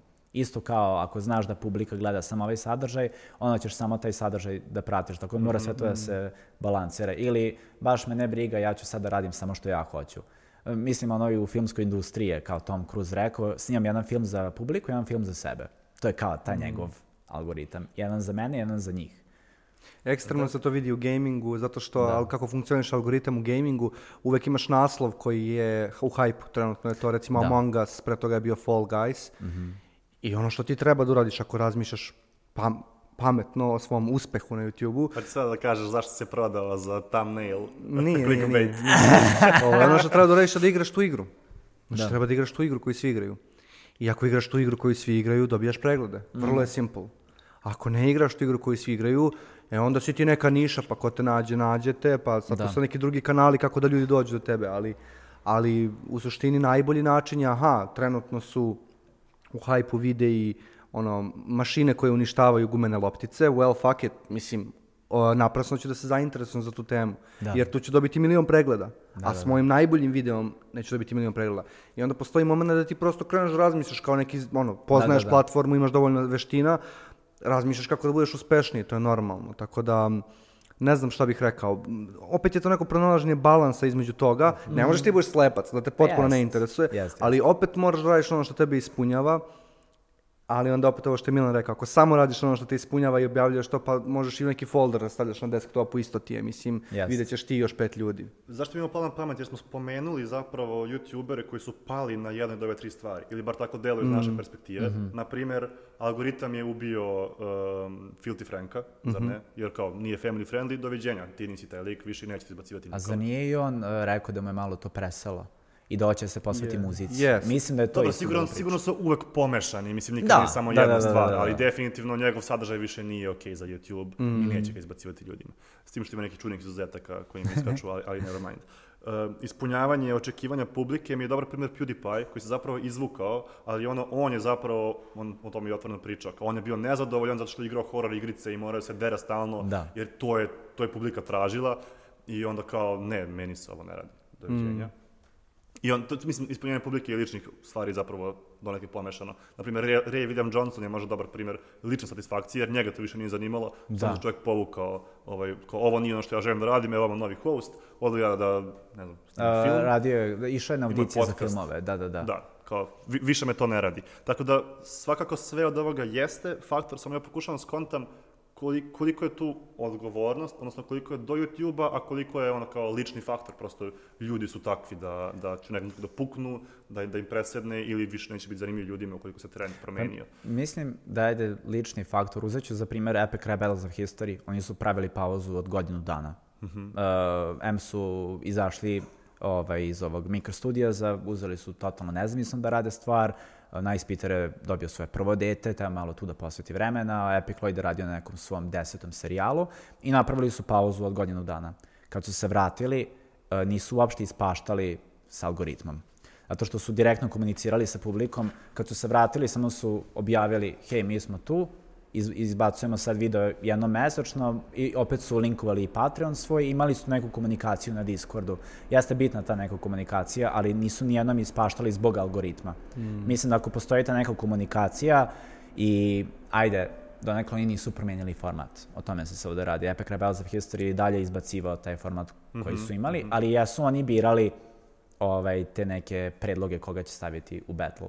Ali postoje taj neki balans. Ja mislim da mi između kao gledalci malo dramatizujemo taj koncept odlaska, dolaska, ne znam Jeste, čega, da. ali za ljude, obične kreatore, to je samo neki kreativni proces, oni kao i ti svašta nešto rade, Da. imaju svakakve privatne, profesionalne procese u životu i prosto ono, jebi ga, malo sam sad posvećen YouTube-u, malo manje, sve vreme dok pričaš mi je u glavi Casey, zato što je Mhm. Casey ekstreman primer, on je bio, on je izbacivao daily vlog, O, da. koji je svaki dan bio izuzetno kompleksan storytelling i montaža i onda samo jedan dan nije. I sjećam se, on je prekinuo dva, tri puta taj svoj niz daily vlogova. Um, ne vidim da je ispaštao zbog toga, ali mislim da je to deli, delom i zato što je uvek transparentno sa svojom publikom komunicirao zašto počinje daily vlog, zašto ga prekida, komunicirao svoje svoju porodičnu situaciju, do, dobijanje deteta, selitbu u drugi grad i tako dalje. I nekako to ima smisla. Ono. Iako je nekonzistentno u smislu objavljivanja redovnosti formata, konzistentno je u smislu narativa, što je mislim da je dosta važno. Kao i primjer koji si ti naveo. Ti ljudi su se povukli, ali kada su se vratili, aha, ovo je ista ta stvar, ne vidim jedan razlog zašto ne bih nastavio da je gledam. Ili luđi primjer PewDiePie, uh, koji je doživao mnoge transformacije, ali one meni uopšte nisu nelogične. Ja kad danas gledam PewDiePie, ja vidim sve te slojeve PewDiePie-a i to mi je još bolji PewDiePie nego svi ti koji, koji su bili ranije. Naravno. Tako da ono, nije to toliko drama ono, koliko mi, koliko mi mislimo. A i publika uh, mnogo više recimo gleda tvoje preglede i koliko su subscribera imaš nego ti sam kao kreator. U, uvek i na ulici pitaju koliko imaš subscribera i to je kao da im kažeš svoj status, da li si general, da li si... Ja, ono, na primjer, ne znam da, koliko ja saštan ima sada subscribera. Jel znaš ti? Ti baš Oko 620.000, tako To je da. baš dosta. Da, ali evo, u godinu dana smo dobili 20.000, zato što e, nismo toliko nešto redno postavljali. Uh, baš, 20.000 je baš dosta. pa znam, ali ja, ja tačno 650. vidim kada, kada ne objavimo video, onda neko bude u fazonu, e, sad ću unsubscribe, ali kada objavimo video, e, sad sam se se ponovo subscribe-ovao. To rade. Rade to, ne znam. Njima je, njima je bitnije koliko imaš subscribera nego stvarno meni ovako lično. I više oni stavljaju te neke etikete na tebe, nego što ti stavljaš u tom nekom procesu. Jer, uh, ne znam što sam teo da kažem, ali šta si ti Miloš rekao? je logično, zato što ti za mene nisi Milan, ti si Jaseštan. Pa da. Ja tebe ne gledam kao osobu koja ima privatan život. Ti si E to. mene. Da, da, da, da. Meni snimao video, koji ću ja pogledati kad dođem iz škole, faksa, što god. Da, Tako funkcioniš Jest. od publike. Da, da, da. To ja bih samo dodao da Stefan priča iz ugla publike. Pošto je malo bila weird. Ti si za mene samo jasno. Ti si tu zbog mene. Stefan, the real talk.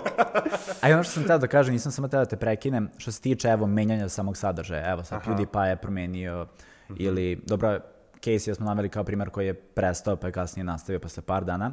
Uh, jako je čudno kada ljudi kažu uh, kao promenio si se, kao a sad nisi isti kao ranije, a pogotovo za ljude koji snimaju plus 5-10 godina, jer normalno je Hoćemo starog Jasterštajna. E to, ćemo starog Jaserštenja. Ja sad kad pogledam neki svoj stari video, bude kao, dobro, pogledam neki svoj video pre par meseci, imam istu reakciju, bude kao, Zašto? Tačno vidim, jesam negde napredovao, mislim ne samo kao čovek, nego ajde i kao kreator i vidim u toj nekoj samoj naraciji ili u montaži, što sam sad vremenom promenio.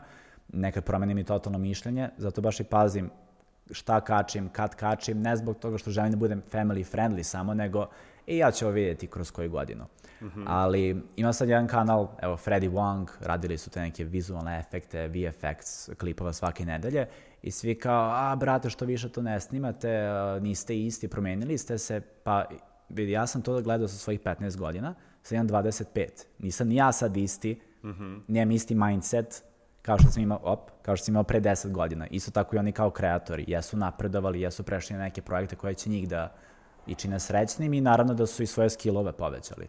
Tako mm. da malo je ono uh, sebično reći, e, promenio si se, više nisi isti, normalno je da nisi isti. Kao čestitam, promenio si pa se, da, zato što si ljudsko ali... biće koje se razvija i postaje bolje u stvari. Ali, pa da. Postoje, lju, postoje kanali zapravo koji ne menjaju svoj sadržaj. Mm -hmm. Naprimjer, Jasašni, da. Naprimjer, da, ja, ja, sam, ja sam da kažem Smoš. Smoš uvek komunicira izuzetno mladoj publici. E, da. A, i, I nikad to nisu promenili. E, sad su krenuli dok... da menjaju. Aha. E, izvini, slobodno završi. Da, da, a druga strana toga mi je, na primjer, PewDiePie, koji mm ona kao ima 9 year olds i 19 da, da, da, da, da, u razmaku da, da, da, dva meseca. Ne, ali delo je kao da je PewDiePie doživao svoju transformaciju zajedno sa svojom publikom i njega su nastavili da prate isto ljudi, jer da. je, je kao njegov sadržaj malo sazreo i klinci su malo sazreli i onda je kao sve to otišlo negde dalje. Uh, da, ja se što je zapravo vjerojatno bliže Smošu nego PewDiePie. Tako. Pa da, to, često me to pitaju, o, kao da li ćeš da porasteš sa svojim publikom ili ćeš uvek komunicirati sa tom nekom generacijom. Mm -hmm. Ja sam izabrao da ostanem donekle sa istom generacijom. Ne zbog toga što je lakše komunicirati sa mlađom publikom, nemaju ne, neko mišljenje razvijeno, nego sam rekao sebi, ne želim da budem ekstrem Miley Cyrus, recimo. Mm -hmm. Da sada idemo neki absurd kako bi privukao ljudima pažnju. Rekao sam sebi, ne želim u taj ekstrem da idem, kao što ne želim da idemo u ekstrem da samo se obraćam publici sa nekim mindsetom, a vi ste mala deca, pa dobar dan, malo deca. Ne. Gledao sam da uh, pričam sa sobom iz prošlosti. E, ta, kad mhm. snimam video, imam osjećaj kao, e, pričam sa sobom iz prošlosti. Pričam sa ovim drugarom iz prošlosti. Jer uh, hoću da krenem sadržaj koji sam ja u tim godinama hteo da gledam. Ali meni deluje da se, da se ja sa kanal malo, to si imao pa neki e, da. izgled koji je malo, na primjer, fora za Dua Lipu u posljednjem videu, ili A, da. u posljednjem da, videu, da, da, na primjer, ne verujem da prosječan kao, ne znam koliko ima prosječan, prosječna godina fan Jasrtan, da je da. razume uopšte. Da, da, da. To, je, to je prilično ono, šala koji razume neko ko zna da. ceo kontekst svega toga, znači da, da mora da ima ono da. 16 godina da bi razumeo nešto. Minimum, pa, da, da. Mm. Pa gledam sada da radimo i taj neki kraći sketch format, da ne bude deo da pričam u kameru, pričam sa publikom, nego ajmo sketch od jednog minuta. Da, da radimo nešto na foru ovo, Gus Johnsona ili uh, Jax Filmsa, da je samo nezavisan sketch za sebe, nešto što se može naći na Instagramu ili... Ili na sad, TikToku. Ili na TikToku. A samo da se vratim na ovo sa Smošom, oni jesu sad krenuli da menjaju malo svoj format, što su odlično re, rekli u svom podcastu, s čim se i slažem, a to je da kad kaže neku komedija, padne ti na pamet white male, to jest belac u svojim 20. godinama, 25 mm -hmm. godina, da je to komedija, pogotovo na YouTube-u. I oni su uvek imali istog, recimo, režisera, ovaj, ali su vremenom ubacili uh, razne pisce iz različitog nekog backgrounda, imaju sad i LGBT populaciju i uh, sve rase uključene u čitav proces. Nisu samo Ian Anthony i taj belac isto režiser, muškara, za samo iste perspektive imaju sav svoj sadržaj, nego gledaju da sad obuhvate i različite ljude. Mm -hmm. I ja kad pogledam sad recimo na svoje klipove, gledam, aha, ovo uglavnom jeste sve iz moje perspektive uh, hoću da iz različitih perspektiva pričam tu neku priču. Ne bude da sada, umesto toga da odem na neku terapiju ili da, da pričam na podcastu, ovaj, da, da ovaj, to izbacujem u te neke skečeve. Gledam da ne bude samo, e, moja priča, nego priča i drugih ljudi. Šta smo mi sad zapravo zaključili na svega ovoga? Kao YouTube onako, um, malo te sabotira. da, da, da, da, da. I kao ostavlja prostora nekim drugim aplikacijama da iskažeš kreativnost, da. ali realno još uvijek je još, ono, najveća aplikacija i još uvijek novi kanali niču i, i dostižu da, popularnost. Naprimjer, poslednji čak i u Srbiji, Familija B, koliko ima ono, porasta je nenormalno. Čak nije, ni algoritam nije ispoštovao, Da. ima, ne znam, video 3-4 minuta, to nije format koji očekujemo da eksplodira na Da. YouTube-u, a eksplodirao je, kao ima preko 100.000 sada već može subscriber. Pa dobro, ja bih rekao to nije native YouTube sadržaj, u smislu nije sadržaj nastao na YouTube, nego sadržaj i arhivira na YouTube-u, a koji je toliko popularan i u mainstream mediji, i na svim profilima i u dark socialu koji mi ne pominjemo, a to je što ljudi razmenjuju među sobom, ovaj, da i na YouTube-u kao spillover, znači kao, kao posljedica svega toga i na YouTube-u ima jako puno pregleda. Ali nisam siguran da nam nešto govori o YouTube sadržaju, recimo, taj, taj video serijal konkretno. A, možda nam govori o jednoj široj stvari, a to je da platforme, mi volimo da se vezujemo za platforme, mi volimo da pričamo o tome da je YouTube nešto, a Instagram nešto, a TikTok nešto, ali to smo mi ljudi koji se bavimo ovim poslom i koji smo veoma zainteresovani za tu temu, a za prosječnog korisnika to je familija, znači nije Jest. bitno da li mi je neko poslao link ne sa YouTube-a, TikToka, Instagrama, v kontaktu ili šta god, nije ni bitno. Dokle god ja mogu da otvorim taj video, Jeste. I don't fucking care. Mislim, meni je to sasvim u redu. I ljudi, obični korisnici se u stvari ne vezuju za platforme, ne interesuju ih algoritmi, ne interesuju ih da li se YouTuber prodao, povukao, vratio, ostario, što god. Sadržaj na kraju dana je samo sadržaj za njih. I to je ono što mi ne želimo, da, da nekako ne možemo da stvarimo, jer šta onda mi radimo? A, e, šta mi radimo, to ne znam. E, ali ja ne bih volao da ovo bude kraj podcasta jer hoću da predstavim ovako iz mog Google, oko trešnicu, jer on celu tortu i pričamo o TikToku. Može, može. ne, ja uopšte nisam blizu kraja. A, o, izvini, izvini. She molim. said. Onda ću da istrpim još 10 minuta. Ovaj, da, Ray William Johnson, najavili smo ga, je sada na TikToku. I radi, ono, manje više sav sadržaj koji je stvarao, sada radi na TikToku. Ima reakcije na videe. Novost ima. ima. Hm? Novo snima. Novo snima, da, nije stari sadržaj. I ima, em, kako se kaže, kad, kad kao disuješ nekoga, rap battle, nije rap battle, ugla- uglavnom snima rap gde proziva ljude, radi Roast. stvari, roast, da, Roast. roast Da, da, videe da, da, da. ima gde, ovaj, A, kao na live improvu što se inače radi, da. e, otprilike manje više, postoji to i kod nas, Da, da, da, da. da. uglavnom, uglavnom. e, Kod nas se to kaže deluje- roštiljanje. Roštiranje. Deluje, deluje da su ti neki kreatori sa YouTube-a, koji su pobegli sa YouTube-a, ne samo oni, ali okej, da su prostor za, za ispoljavanje svoje kreativnosti našli na TikToku. I sad ću ja postavim iz ugla TikToka jednu zanimljivu tezu. Ovaj, sad će- znam šta će da uradi. On će sad nas da ubeđuje da je TikTok Novi nova YouTube, YouTube. i kreativna energija. Ko je? E, vidi, postoji energija. slušajte, čekajte, da, da, da. čekajte, my, my case is not closed Ne, pustit ćemo te završiš, a onda ćemo da te prebijemo. Izvoli. Ne, sam, samo zbog sadržaja koji se nalazi Mhm. na TikToku. Znači, tu nema family friendly contenta. Mislim, ima family friendly contenta, ali nije Ne samo on tu, da. Nije samo on da se, da se gura tamo, tako je. Tu su challenge Kad ste posljednji put vidjeli challenge na YouTube-u? Jesi to desilo Uspešan u posljednjih challenge. 8 godina. Od Ice Bucketa se nije desilo na YouTube-u da ima challenge. Hoću Posle da kažem da sam video reći. ali mi ništa ne pada na pamet. Posle challenge Nemate, ću vam nemate reći jedan jako zanimljiv challenge koji sam smislio. Posle podcasta, jer to što će ovo izaći pre tog videa. Da, da, da. Ovo inače izlazi za ne, ne sad ovaj vikend, nego sljedeći vikend. Ali A, never mind. Izvoli, I tu su i skečevi. Skeč je Da. čak možda najdominantniji sadržaj na Mhm. TikToku. Eto, to je, to je moj, moj case, sami, sami vi ubedite da to nije tako. Ali je najtoksičnija platforma. Triggerao su rekli publik, za YouTube, vidim, tako da. Ovakvi će komentari biti, ja, ovaj TikToker. Udrite me. TikTok agenda. Udrite mene, nemojte TikTok. E, slažem se s tobom, donekle. Uh, ba, donekle. Ima procenat koji je i dalje onako kao malo, hm, neće TikTok nikad biti YouTube. Ali sad sam u m, prošla petka prvi put izašao ovako napolje da se vidim sa društvom u Dunavskom parku u Novom Sadu.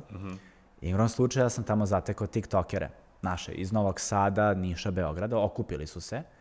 I ja sam osetio taj neki vibe koji smo mi kreatori imali tada u samom startu kad smo se upoznavali, kad smo se družili, kad je to bilo sve onako čisto, pure, kao bez, bez nekih sukoba interesa ili snimamo zajedno pošto znam da imaš puno followera i tako. Tako da mi je to bilo jako slatko i ja sam osetio taj neki vibe. Tako da tu se Ali slažem. ja samo vrlo bitna stvar, ti si otvorio svoj TikTok kanal zapravo i objavljuješ na Da. njemu i započeo si šerovanjem uh, skečeva koje si već ranije snimio sa YouTube-a, Mhm. ali posljednji video, ako nisam propustio neki, je isključivo najmanjem TikToku Da. i zapravo si rešio da iskoristiš TikTok kao inspiraciju za YouTube video, odnosno pitaš ljude šta ne vole kod TikToka da, Da. bi od toga snimio YouTube video. Da, da, da. Samo sam želeo da stavim to tu. Da Naravno, ajmo da se igramo s tim. Maske su pale, jasno što je. Pa ne, snimam sad upravo video, ovaj, mislim više njih paralelno, ali video pet stvari koje mrzim kod TikToka, gde neću reći, e, ja sam youtuber koji ne voli TikTok zbog ovoga, ovoga, onoga, mm -hmm. cringe je, ima ovakvog sadržaja, uzimate nam ljude tamo na TikTok, ništa tako. To nećeš reći, ali... Ne, to neću reći, niti to sad mislim. Imao sam takav stav od samog starta, tako sam mislio o Snapchatu i o svim tim novim platformama koje dolaze, sve dok se malo ne upoznam sa platformom. Mm -hmm. Ne kažem da, o, da ću ja sad primarno samo za TikTok da snimam, da ću preći na TikTok, nego u toj konkretnoj epizodi bi samo predstavio TikTok kao, kao mm, YouTube puta 3 ili na kubni kilometar. Sve to što je, sve te neke loše stvari koje su prisutne na YouTube-u, uh, imam osjećaj da će mnogo brže da se dese mm -hmm. kod ljudi na TikToku, ne kod samog algoritma, nego kod tih kreatora. Vidim da se sve mnogo brže kreće. Da li je to zbog toga što smo već prošli kroz sagu youtubera, uh, upoznati smo sa samim formatom, imamo već publiku za to koja je prešla sa YouTubea, Instagrama na TikTok, znajući kako da se odnose sa digitalnim sadržajem, jer YouTube je bio taj prvi, uh, prvi kontakt da nisi sad na TV-u, da gledaš kada ćeš tada i da gledaš kad ti nešto servirano, nego da sam biraš. Mm -hmm. uh, imam osjećaj da će to kod, kod tiktokera, samih tiktokera, da se to drastično ubrza i taj ne samo burnout, nego ceo taj neki influencer experience. Mm -hmm. Nadam se da ćeš ti ovaj doživjeti taj svoj influencer experience burnout. konačno, a onda je burnout pa da zaokružimo da, da, celu da. priču. Ja mislim da već napravio dva kruga. Ja, da. meni je TikTok jako inspirativan kao nekome ko živi od društvenih mreža u velikoj meri. Mm -hmm. a, zbog um, te ideje o, masovnoj kolektivnoj kolaboraciji. Da. U smislu, ono što mi se najviše sviđa kod TikToka je upravo ta krađa o kojoj smo pričali pre, pa ne znam, pre pola sat sata, vremena. sat vremena, šta već. Uh, ta, to je ta krađa koja se meni sviđa. To je, ja ću sad da napravim neki sadržaj mm -hmm. i onda će onda inspiriše, inspiriše ili ukra, ljudi će da ukradu ili kako god želite gledati na to, gomilu sadržaja i onda će to nekako sve meni da se vrati i onda će opet da to promuljam, da opet napravim neki novi sadržaj. Sviđa mi se ta, taj moment te kolaborativnosti. To mi je da. jako zabavno, koliko je ubrzana kolaborativnost yes. kroz sam format i tako dalje. Ono što mi se ne dopada kod uh, TikToka je uh, to što ja kao korisnik TikToka nemam osjećaj kontrole ni u jednom trenutku, imam osjećaj kao da me vozi mm. neki roller coaster, gde, ok, ponekad mi je baš lepo, a ponekad bukvalno skliznem u neku kuću strave, a nisam potpisao da to želim. A, dok na YouTube imam taj snažan osjećaj, on, ja znam da je to privid, ali imam snažan osjećaj da biram stvari, što mi dosta prija. I ovo sad, taj osjećaj, ja verujem da će diktirati način na koji će ljudi koristiti TikTok versus YouTube, da će i dalje na YouTube imati taj privid slash osjećaj korisnosti, biranja, mm -hmm. kuriranog sadržaja, samorazvoja i tako dalje, ako su to opšte reči, a na TikToku će da odu na vožnju. I što je okej okay, skroz, tebi treba mm. i jedna i druga stvar u životu i kreatori će naći način da se izrazi na jednoj i drugoj platformi, ali da. tako ih ja nekako trenutno odvajam u glavi da, čisto da bih ostao normalno e, u svemu tomu. Imam, zapravo, ja ne mislim možda neko da TikTok na YouTube, samo sam teo da to vama stavim to da smo istrigiram. A da, da, ne, meni, meni je, ima, ima deo toga, ali zapravo je TikTok kao neki most za pronalaženje sadržaja, što više na YouTube-u i ne možeš baš toliko da uradiš, kao što, ne znam, pustiš muziku da. na Spotify-u i on ti preporuči nešto što nisi očekivao. Mm da. Na YouTube-u se to više ne dešava, ne izbacuje me iste stvari non stop, TikTok me često iznenadi. I na taj način, osim što je kao način za pronalaženje sadržaja, takođe je super alat zato što je nadomestio ono što YouTube nema. I meni, YouTube, meni TikTok, ili čak ni Instagram, TikTok mi dođe kao neka dopuna te dve mreže zapravo, mm. gde ti pronađeš nekoga, onda odeš na njegov YouTube i on zapravo tamo gradi bazu i tamo možeš da pratiš zaista njegov sadržaj. Da. I on, onda se zapravo uklapa u cijelu tvoju priču koju si imao. I zato je TikTok, ja mislim, super da imaju youtuberi da bi dovlačili još publike, jer trenutno nije baš tako lako rasti na YouTube-u, a ukoliko mm. nađeš način da plasiraš te sadržaj na TikToku, dovući ćeš ih na svoj YouTube koji je zapravo baza tvog kreativnog sadržaja. To, je ide, to bi bilo idealno. Yes. Pa ja sam I, tako mm. uh, gledao na sam Instagram. Uh, mm -hmm. napravio sam Instagram i tamo kačim Instagram storije, uglavnom kada nešto objavim na YouTube-u. Da kažem ljudima na Instagramu koji su tamo, hej, mm -hmm. ima nešto na YouTube-u. To sam radio sad i sa TikTokom. Mm -hmm. Baš zbog toga, jer ev, TikTok mi nije kao ta neka destinacija, ali je odlično ako već postoje tu ljudi i vidim da ja na, na svoj način mogu nekako nešto da kreiram, uradit ću to. Prvo mi je bilo odbojno to što se očekivalo od mene da se ja sad ponašam da sam mlađi nego što jesam, mm -hmm. da radim neke denseve, da stavljam uh, ko zna kakve filtere, ali sam na TikToku eto prepoznao, e, super, mogu ono da ra- radim što sam radio kao klinac, a to je da na onom nekom uh, Nokia telefonu snimim audio zapis nekog crtača na TV-u, pa da ga puštam non stop, sad to mogu da rekreiram. E, pa bukvalno sam to radio, malo sam se igrao i super su alatke. Imaš taj uh, uh, editing tool koji recimo ne postoji na, na YouTube-u. Tako da na TikTok gledam kao neka platforma gde možeš da se igraš i da uh, brže komuniciraš sa fanovima. Više komentara ostavljaju recimo na TikToku i imaš taj neki response, to jest koriste tvoj video da naprave svoj. Ono što je recimo meni dosta na YouTube-u, a to je ono da možeš da replyuješ sa svojim videom. Kad ti napraviš video na YouTube-u, neko napravi ne reakciju, nego snimi tebi video i nakači ga koji, može, koji mogu dole da se vidi. To mi nekako nedostaje na je YouTube. dobro. Video odgovori. Bilo bi još bolje da se to ne pojavljuje i na tvom feedu koji onda zatrpa. Da, da, da, da, da. Ali- da. Ali sko- skotat će TikTok to u nekom trenutku. Da. e, a spomenuo si otpor prema TikToku. Mhm.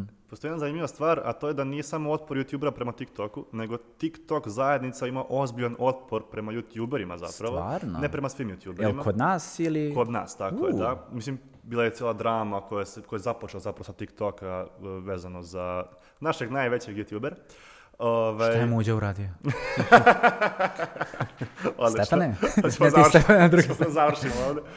Ove, da, a ti to nisi doživeo i meni je to jako zanimljivo zato što si jedan od redkih zapravo youtubera koji su se pojavili na TikToku, a da nisu doživjeli hate zato što su ljudi u fazonu, ajde miči mi se, hoću vidim nove ljude. Da, a da, to se da. baš većini zapravo youtubera koji dođu na TikTok dešava. Napad nostalgije. A zašto sam okačio, čao svima, ja sam Cile. I svi su kao, a da, detinstvo, hvala što si mi ulo- ulepšao detinstvo. Sami su takvi, da. Mislim, Baka prase osjećaj mog bio. detinstva. E, da, da, da, da, da. Koji mim, čoveč. I onda vidiš da je osoba sa 7 godina to objavila. I kao, Majka. koliko ste imao godina?